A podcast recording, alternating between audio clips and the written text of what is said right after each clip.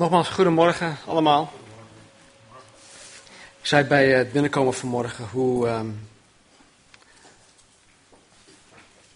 of dat het, het, het christelijk leven een, een paradox kan zijn. Zeg ik dat goed? Paradox? Ja? Het is zo dubbel. Weet je, Jezus zei dat hij is gekomen om ons leven te geven en overvloed. En toen ik eerst een christen werd, dacht ik, wauw, nou, dat vind ik wel gaaf. Leven, overvloed. Ik had hele andere dingen voor ogen. Ja, ja die BMW M5 met 507 pk, 0 tot 200 in 14,8 seconden. Nou, nou. Maar weet je, door de jaren heen heeft God mij laten zien wat leven nou eigenlijk is. En ik geloof dat, in ieder geval hoe ik dat ervaar, is dat ik nu echt leef. En ik, ik ervaar de hoogste hoogtepunten die er maar ervaren kunnen worden. Tegelijkertijd ervaar ik ook de diepste dieptepunten die de mens kan ervaren. En weet je, en ik denk dat het leven zoals Jezus Christus het bedoeld heeft, is dat wij dat tegelijkertijd ook ervaren. En, en zo'n week heb ik dan weer achter de rug, waarvan ik echt in, in, in, in één en hetzelfde moment zo'n hoogtepunt bereikt heb en dan tegelijkertijd weer echt een diepe dal en dan is dat zoveel emoties. Maar weet je, ik, ik heb echt het idee van wauw, ik leef echt. Ik ben niet, ehm, wat is dat, nam of ongevoelig. Ehm, ik leef. Maar goed, daar gaat de preek niet over vanmorgen. Over die BMW gesproken. Nee, twee weken geleden toen wij de studie begonnen over ehm, de, de charismata, de genadegaven, begon ik inderdaad door een aantal foto's te laten zien van een hele vette BMW M5 met 507 pk. Weet je dat nog? Ja. Nou, de inleiding op die preek ging om het niet gebruik te kunnen maken van de beschikbare kracht van die 507 ponies onder de motorkap. En, en, en, hoe zonde dat eigenlijk is. Het is gewoon zonde om daar geen gebruik van te kunnen maken. Want in Nederland mag je maar uiteindelijk 120 km per uur rijden. Nou, als men vindt dat dat zonde is, hoeveel meer zonde is het wanneer de wedergeboren christen niet gebruik maakt van de kracht van de Heilige Geest dat God beschikbaar heeft gemaakt? Ik ben er stellig van overtuigd, en je kan het met me eens zijn of niet. We kunnen het daar na de dienst ook over hebben als je dat wil. Maar ik ben er stellig van overtuigd dat de meest ongebruikte kracht dat de kerk tot haar beschikking heeft, is de kracht van de Heilige Geest. Die Gods woord gebruikt om de harten en levens van haar leden te doen veranderen en te vormen naar het evenbeeld van Jezus Christus. Het is iets dat wij, wij wel van hebben geproefd en de ene meer dan de ander, maar ik denk dat er nog veel meer is. Natuurlijk zie ik dat Gods geest en Gods woord hier samen in deze gemeente zijn werk in ons en door ons heen doet. Maar nogmaals, ik geloof dat God veel dieper met ons wil gaan. En wat Maarten vanmorgen ook zei, wat belet je? Het hangt van ons af. Het hangt van jezelf af. De Bijbelkennis die wij verkrijgen vanuit eh, onder andere onze studies hier, maakt ons zowel individueel als collectief verantwoordelijk voor die kennis. En als wij die kennis hebben, dan zijn wij daar verantwoordelijk voor. Met andere woorden, als je eenmaal de kennis hebt gekregen over iets dat God van je vraagt, dat Hij verlangt, dat Hij vereist, dan kan je nooit meer zeggen tegen God, maar ja, sorry, ik, ik wist het echt niet. God houdt je verantwoordelijk voor dat wat je weet. En zo geloof ik dat God in ieder van ons wil laten zien dat door deze studie God ons niet alleen meer kennis wil geven, maar dat wij juist met die kennis nog meer onze verantwoordelijkheid op ons zullen gaan nemen. Nou, voor wat betreft de kracht van de Heilige Geest in ons leven, gaat het niet om de hoeveelheid van de Heilige Geest die wij in ons leven hebben. maar hoeveel van ons leven de Heilige Geest controle over heeft. En hoeveel van mijn leven heeft de Heilige Geest controle over? Hoeveel geef ik aan Hem uit handen? Ik kan wel zeggen, Heer, oh, ik wil nog meer van uw geest, nog meer van uw geest, nog meer van uw geest. Maar de geest zegt, ik ben hier 100%. Maar hoe zit het met dat gebied in je leven? Of dat, dat hou je allemaal vast. Het gaat erom hoeveel wij aan Hem overgeven. Nou, ook waar ik, waar ik het vorige keer ook over heb gehad, is het verschil tussen de vrucht van de Heilige Geest en de genadegaven van de Heilige Geest. Vrucht heeft te maken met wie je bent en de gave heeft eigenlijk te maken met wat je doet, heel simpel gezegd. En tenslotte keken we naar de gave van het woord van wijsheid. Die goddelijke, bovennatuurlijke wijsheid die, die van God zelf afkomt. dus niet de wijsheid van mensen zoals Van Dalen dat ook definieert. Nou, vanmorgen gaan we verder met deze studie van de genadegaven. En ik geloof dat wij vanmorgen zullen zien dat deze gaven die wij vanmorgen gaan behandelen in zekere mate reeds in ons midden werkzaam zijn. En het is mijn gebed en mijn verlangen dat wij steeds meer en meer van dit soort dingen zullen gaan zien. Als individu, maar ook gezamenlijk. In onze diensten, maar ook vooral buiten de diensten. Waar het echt telt. Hè, onder, onder de mensen. Uh, mocht je je Bijbel meegenomen hebben, dan laten we naar 1 Korinthe hoofdstuk 12 gaan. En dan lees ik een, uh, een aantal versen voor uit um, ja, het eerste gedeelte van dat hoofdstuk. Paulus begint hoofdstuk 12 met, met deze woorden. Hij zegt, wat de geestelijke gaven betreft, broeders, wil ik niet dat u onwetend bent. En dan vers 4. Er is verscheidenheid van genadegaven, maar het is dezelfde geest. Er is verscheidenheid van bedieningen en het is dezelfde Here. Er is verscheidenheid van werkingen, maar het is dezelfde God die alles in allen werkt.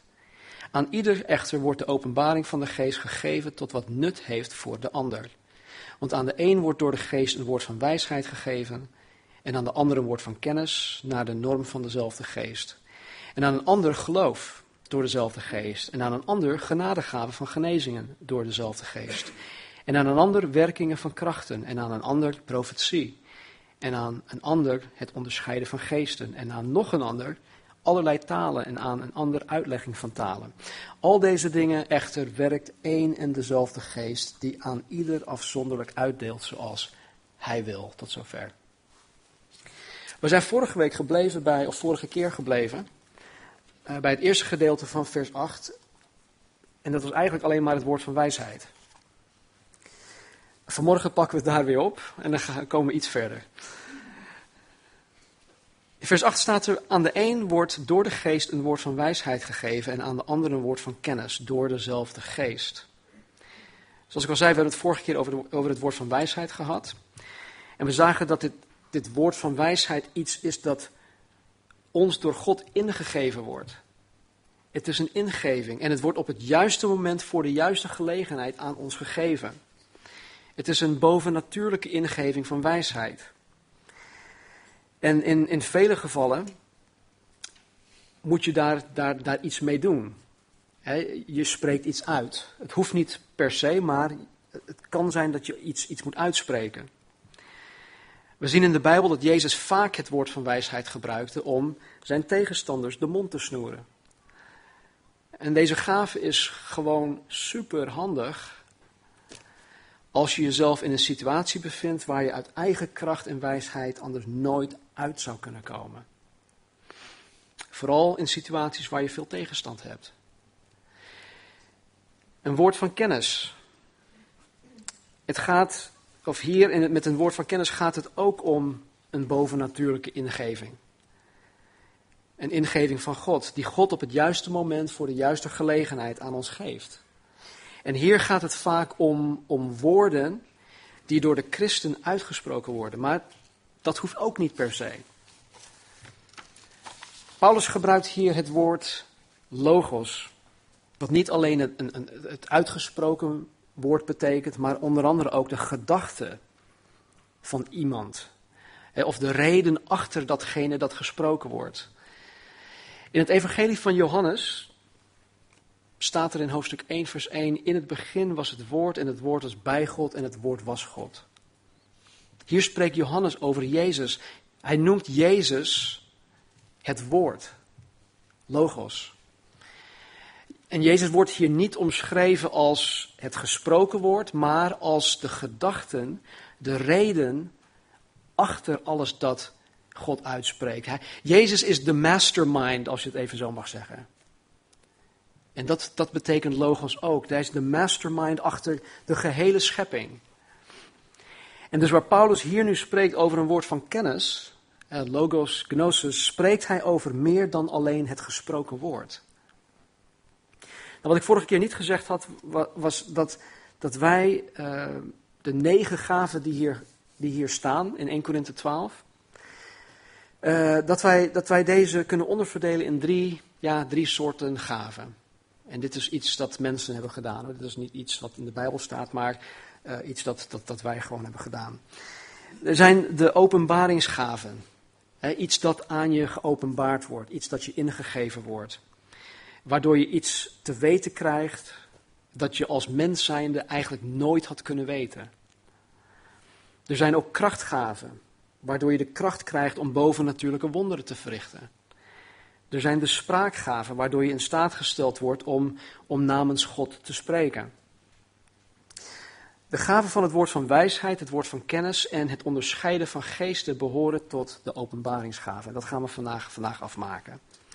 Dus we gaan uh, naar deze groep kijken. Nou, het woord van kennis is iets waardoor je inzicht krijgt tot een specifieke situatie of een persoon.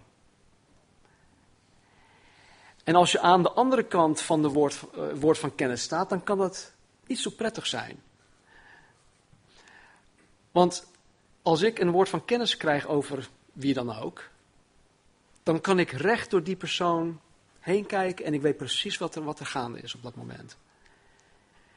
Eh, en, en, en die persoon kan, kan proberen te, te, te verbergen, die kan eh, het, proberen te, te verschuilen achter wat dan ook. Smokescreens of de muren die ze om zich heen hebben gebouwd. Maar God geeft je inzicht tot de kern van wat het probleem is. Het woord kennis komt van het woord gnosis, waarvan wij onder andere het Nederlands woord diagnose krijgen. En wanneer een arts bij iemand die ziek is een diagnose stelt, dan meent hij of zij te weten wat er aan die persoon mankeert. Toch?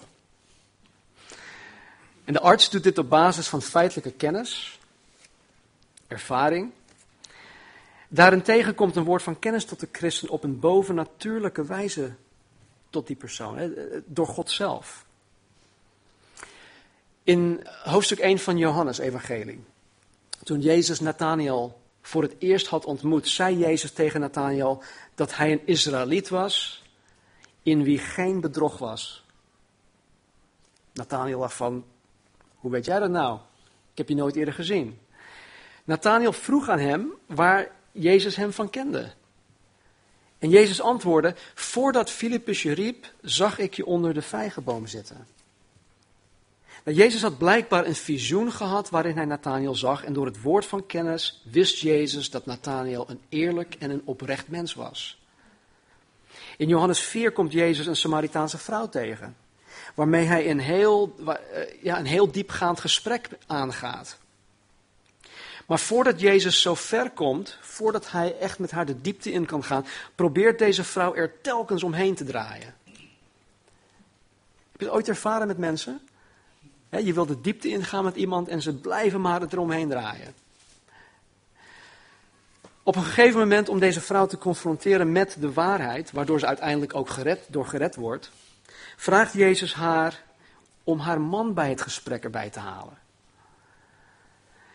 Jezus krijgt een woord van kennis, waarop zij zegt dat zij geen man heeft. En ze zegt dus, ze is niet getrouwd. Jezus kreeg een woord van kennis waardoor hij te weten kwam dat deze vrouw inderdaad niet getrouwd is. Maar niet alleen dat, kijk wat, kijk wat er staat. Dat is waar, zei Jezus, hè, dat, dat, ze niet, dat ze geen man heeft. U bent vijf keer getrouwd geweest en de man met wie u nu samenleeft is uw man niet. Weet je, ik kan me helemaal voorstellen dat, dat haar mond gewoon open viel van, hè? wat gebeurt hier nu? Hoe weet hij dat nou?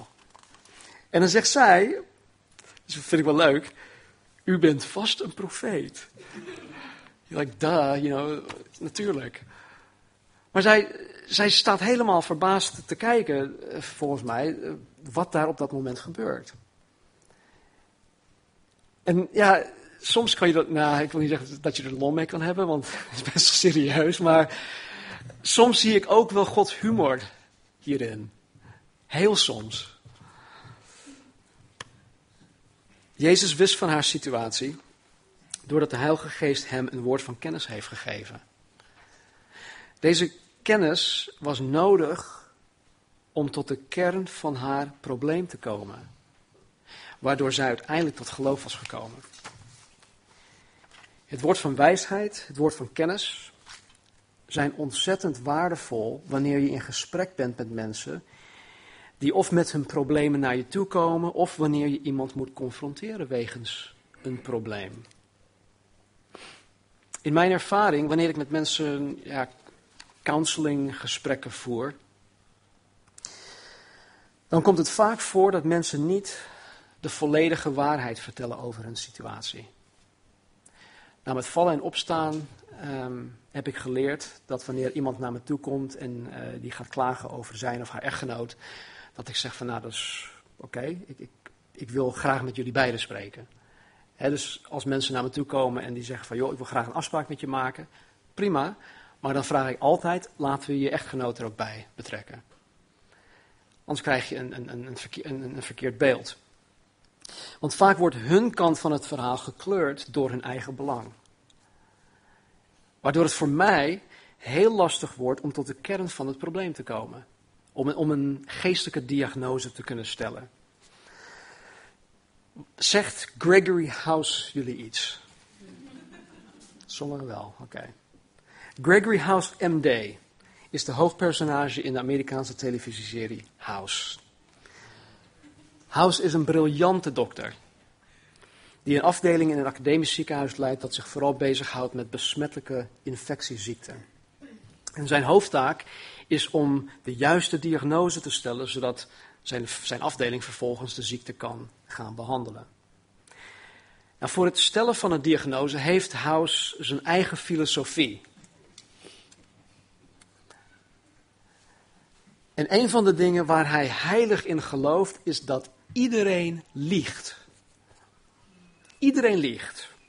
Hij zegt, ik heb ontdekt dat wanneer je de waarheid over iemand te weten wil komen, dat je niet bij de persoon in kwestie moet zijn om achter de waarheid te komen.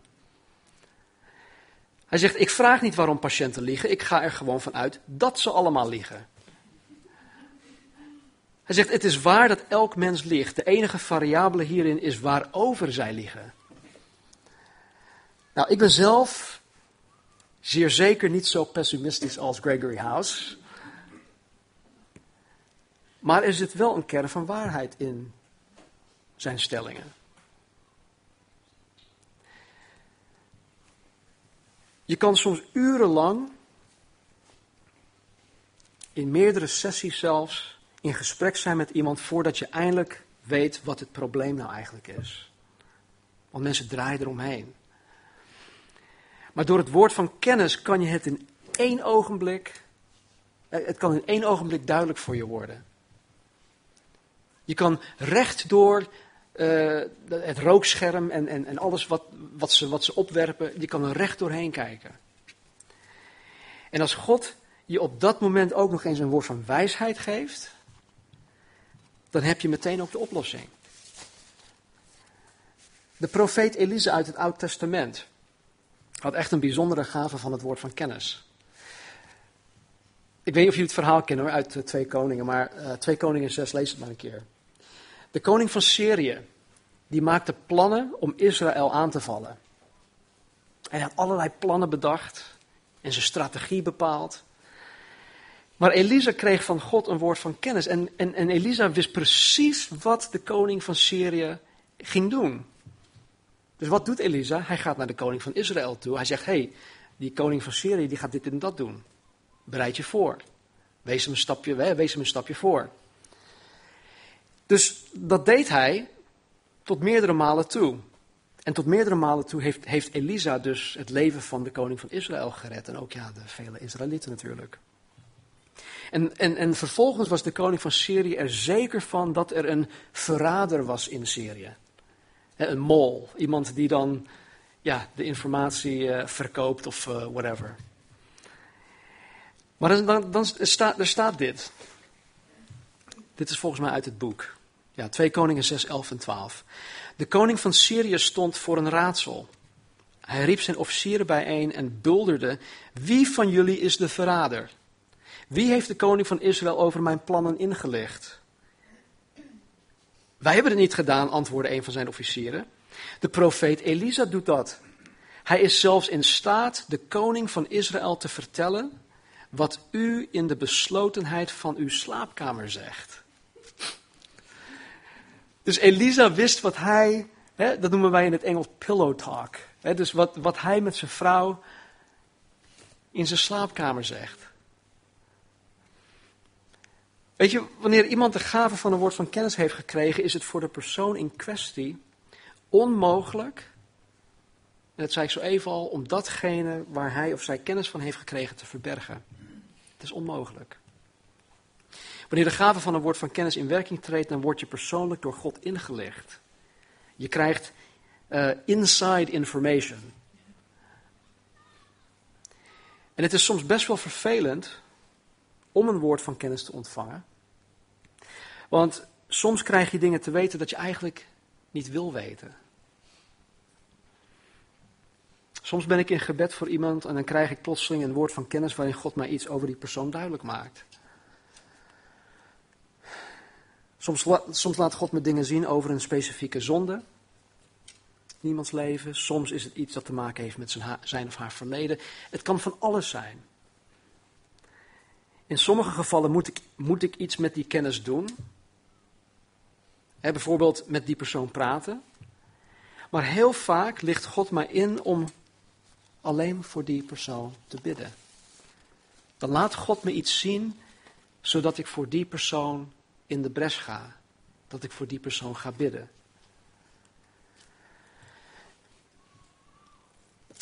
Um, ik zie een van mijn dochters hier, Christine. Zijn er nog meer? Nee. We hebben vier dochters. En wat heel erg vervelend is, of in haar, Christine's geval denk ik was, voor onze dochters, is dat God zowel Marnie als mij heel vaak een woord van kennis geeft over de dingen waar zij mee bezig zijn. Of waar ze mee bezig waren. Heel vervelend als kind zijnde. Geweldig als ouder zijnde.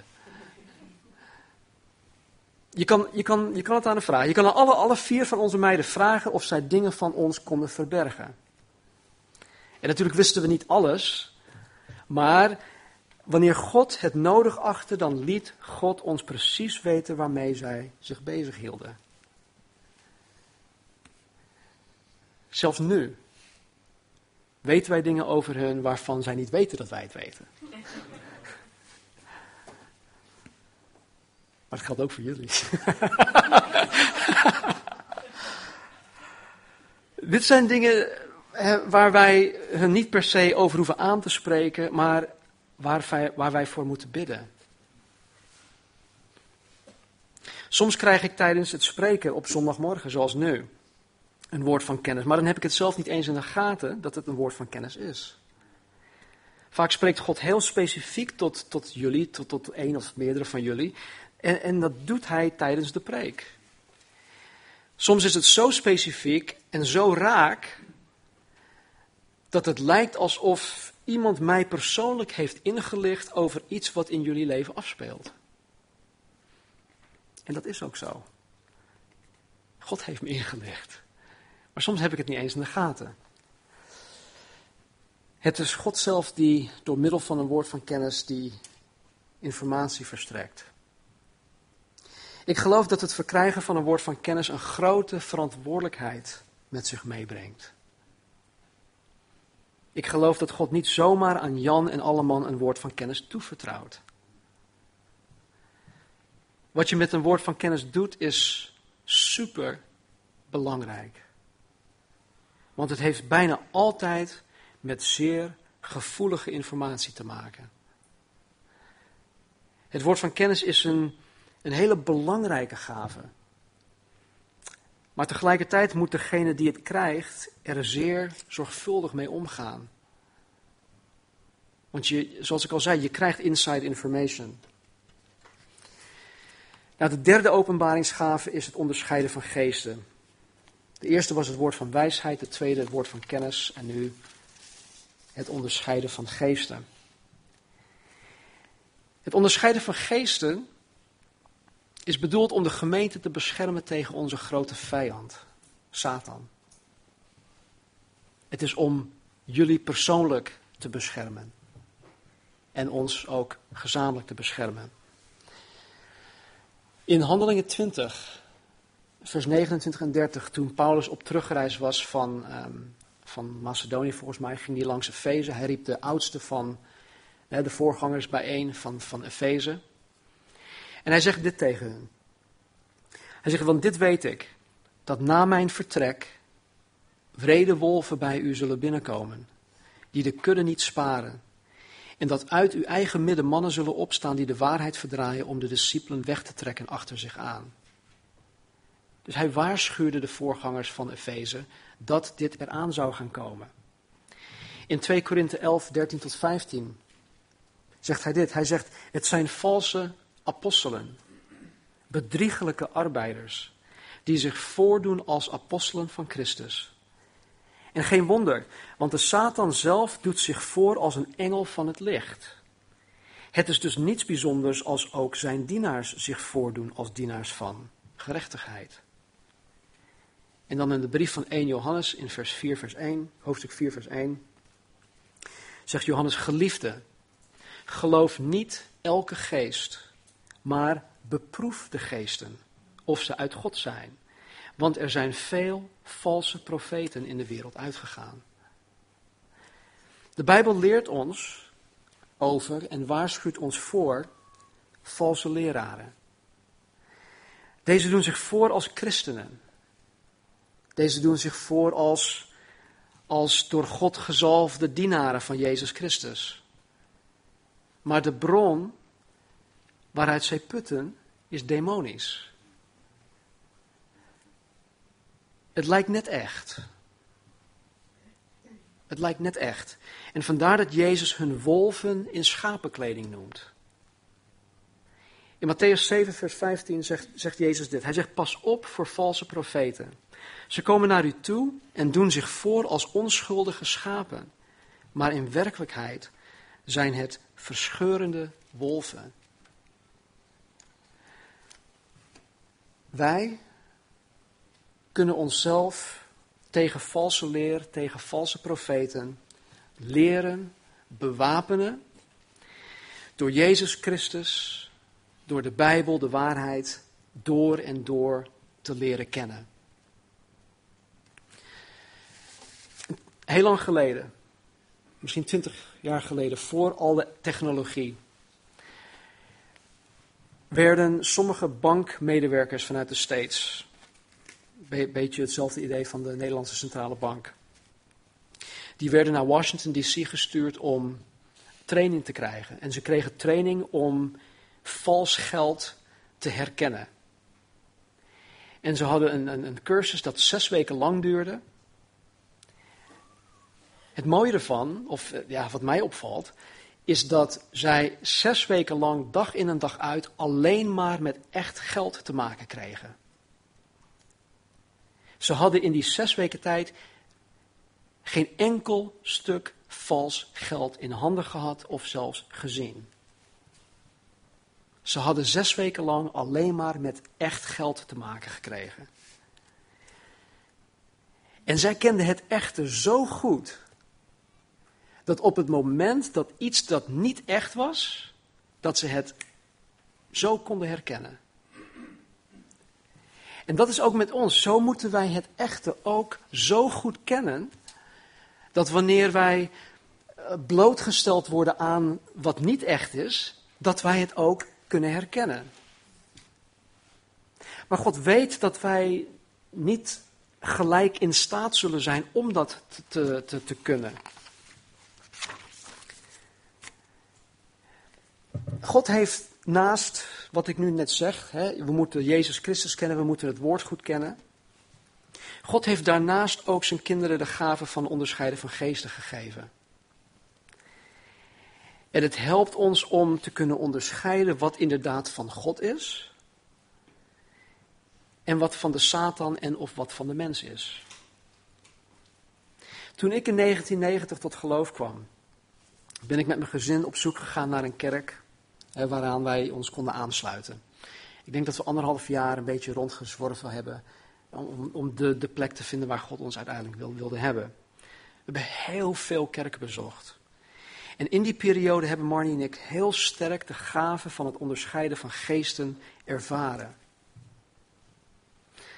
Elke keer als wij ergens een kerkdienst bijwoonden en als wij dingen meemaakten die niet van de Here waren, dan waren wij nog niet in staat om het vanuit de Bijbel te, te, te kunnen weerleggen.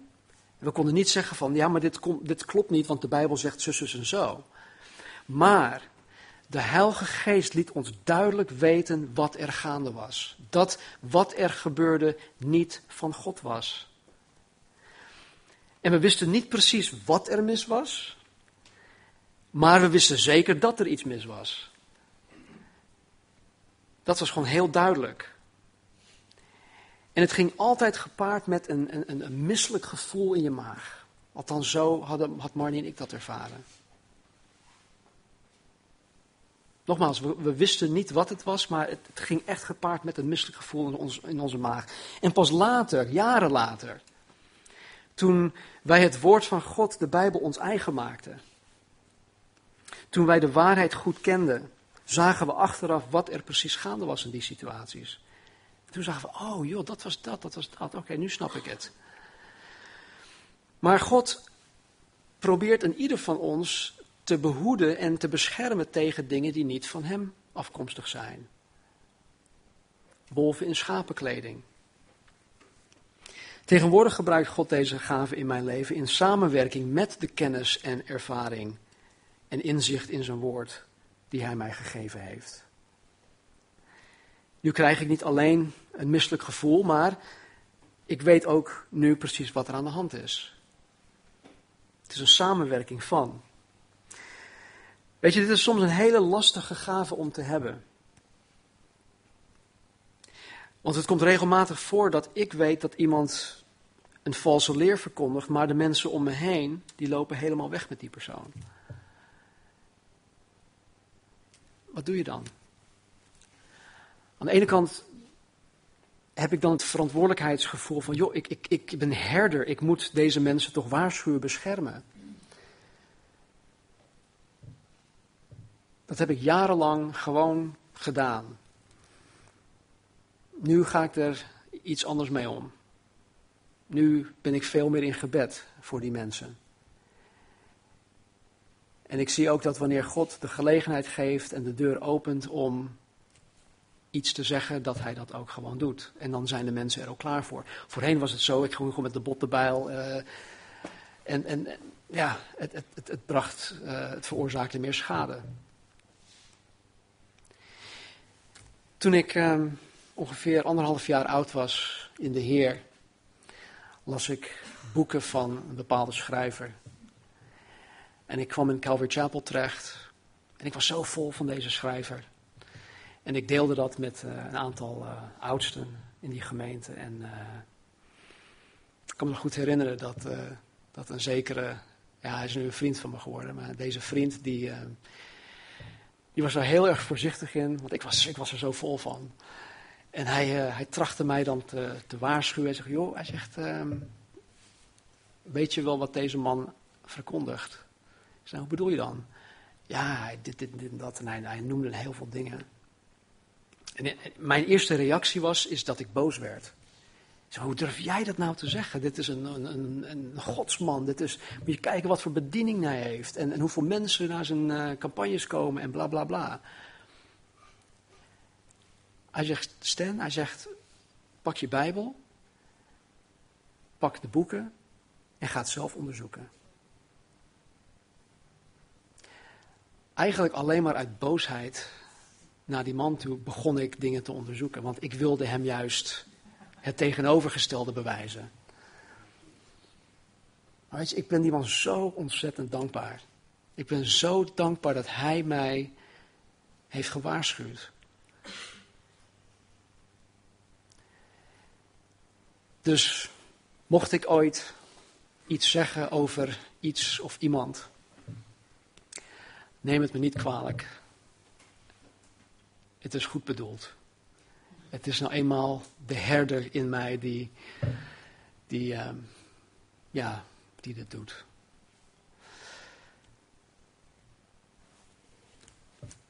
Lastig soms deze gave.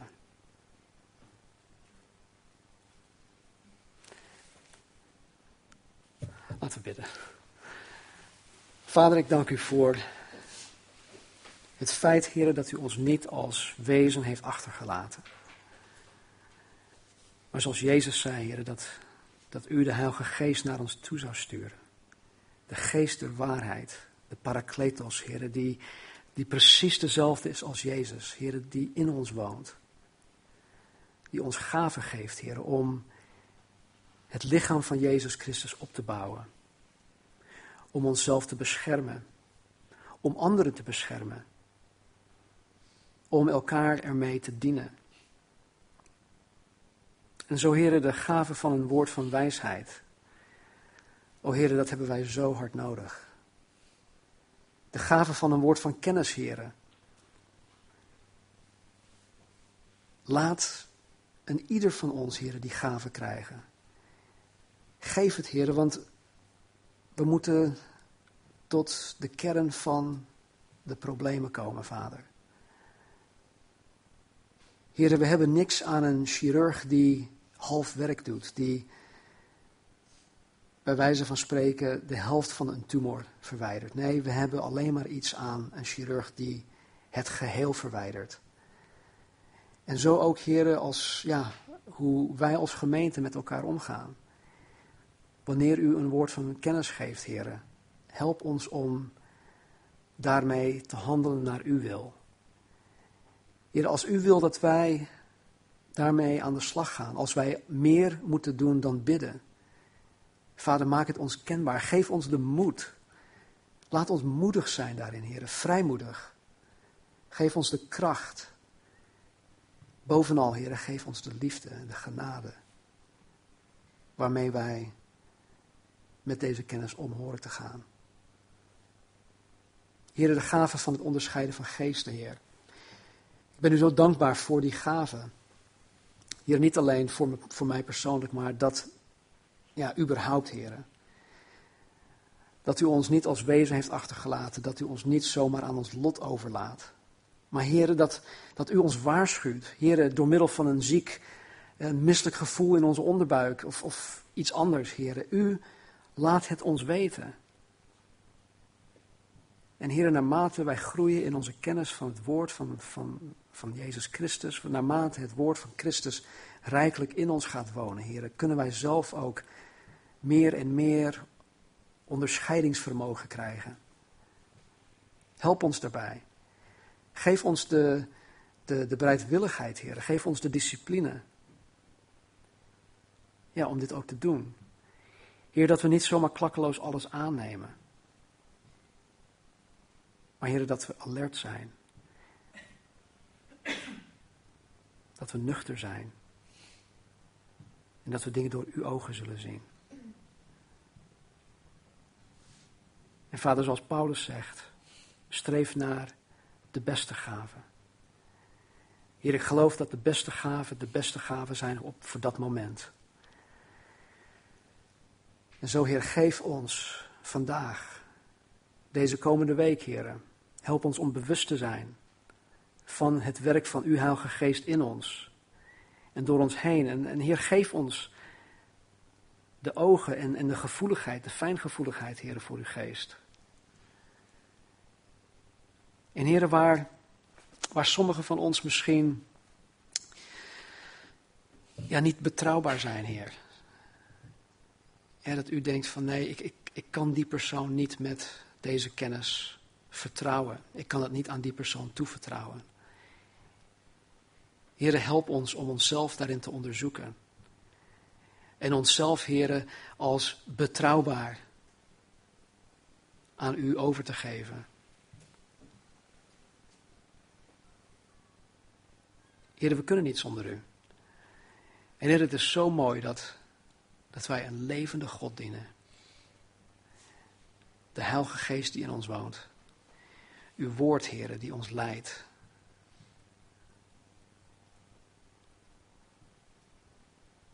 Zegen, Heer, in ieder vanmorgen. En help ons, Heer, om elkaar te zegenen, maar Heer, vooral help ons om een zegen te zijn voor U. Dus Heer, wat we ook deze week gaan doen, het zij werkschool of iets anders, wees met ons, ga voor ons uit. Baan die weg, Heer. En we bidden voor divine appointments deze week. Heer, dat u ons zal leiden, stap voor stap, dat u ons zal gebruiken, dat u ons zal vervullen, Heer, met de volheid van Jezus Christus. Met uw Heilige Geest. Heer, degenen die pas op weg zijn, die pas maar beginnen te proeven, Heer, wie u bent. Sta hen vooral, Heer, krachtig bij. En toon hen, Heer, uw kracht en uw majesteit. Blow their minds. In Jezus' naam. Amen. Amen. Laten we gaan staan. Ik weet niet in hoeverre jullie als individu uh, je bezighoudt met de gave van de Heilige Geest. Ik hoop dat deze studie je daar meer bewust van maakt, of aan het maken is. En dat je ook, um, dat je het ook verlangt. Weet wel dat als je het vraagt, dat God het ook zal doen. En God doet het binnen situaties wanneer je het echt nodig hebt. Dus verwacht ook dat God je in situaties laat komen dat je het nodig hebt. Wees of word betrouwbaar. En zodat God jou zijn gave kan toevertrouwen. Als Hij het aan je geeft, doe er alles aan om daar trouw mee om te gaan. Wees trouw in kleine dingen. En als je jezelf hebt, hebt, hebt bewezen, dan zal Hij je meer geven. Dus wees gezegend deze week, wees een zegen voor elkaar. Moedig elkaar ook aan. Bid vooral voor elkaar.